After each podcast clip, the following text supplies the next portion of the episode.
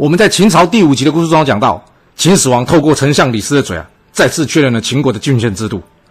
之所以坚持，是因为他看到的前朝周朝的问题。然而，从历史中我们会发现啊，一个制度呢，常常是解决了前一个朝代的问题，但却为这个朝代产生了新的问题。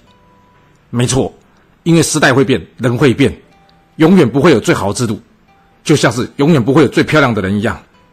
虽然这个制度几乎是沿用至今，足见其制度的本身呢是有一定的可行性。然而，当时这个政治制度的改革，或许已经侵害到既有贵族的利益。而成为了秦国国祚仅短短十数年的火药桶。历史刻画着人性，了解人性，就能让自己有着不同的视野判断问题。您说是吧？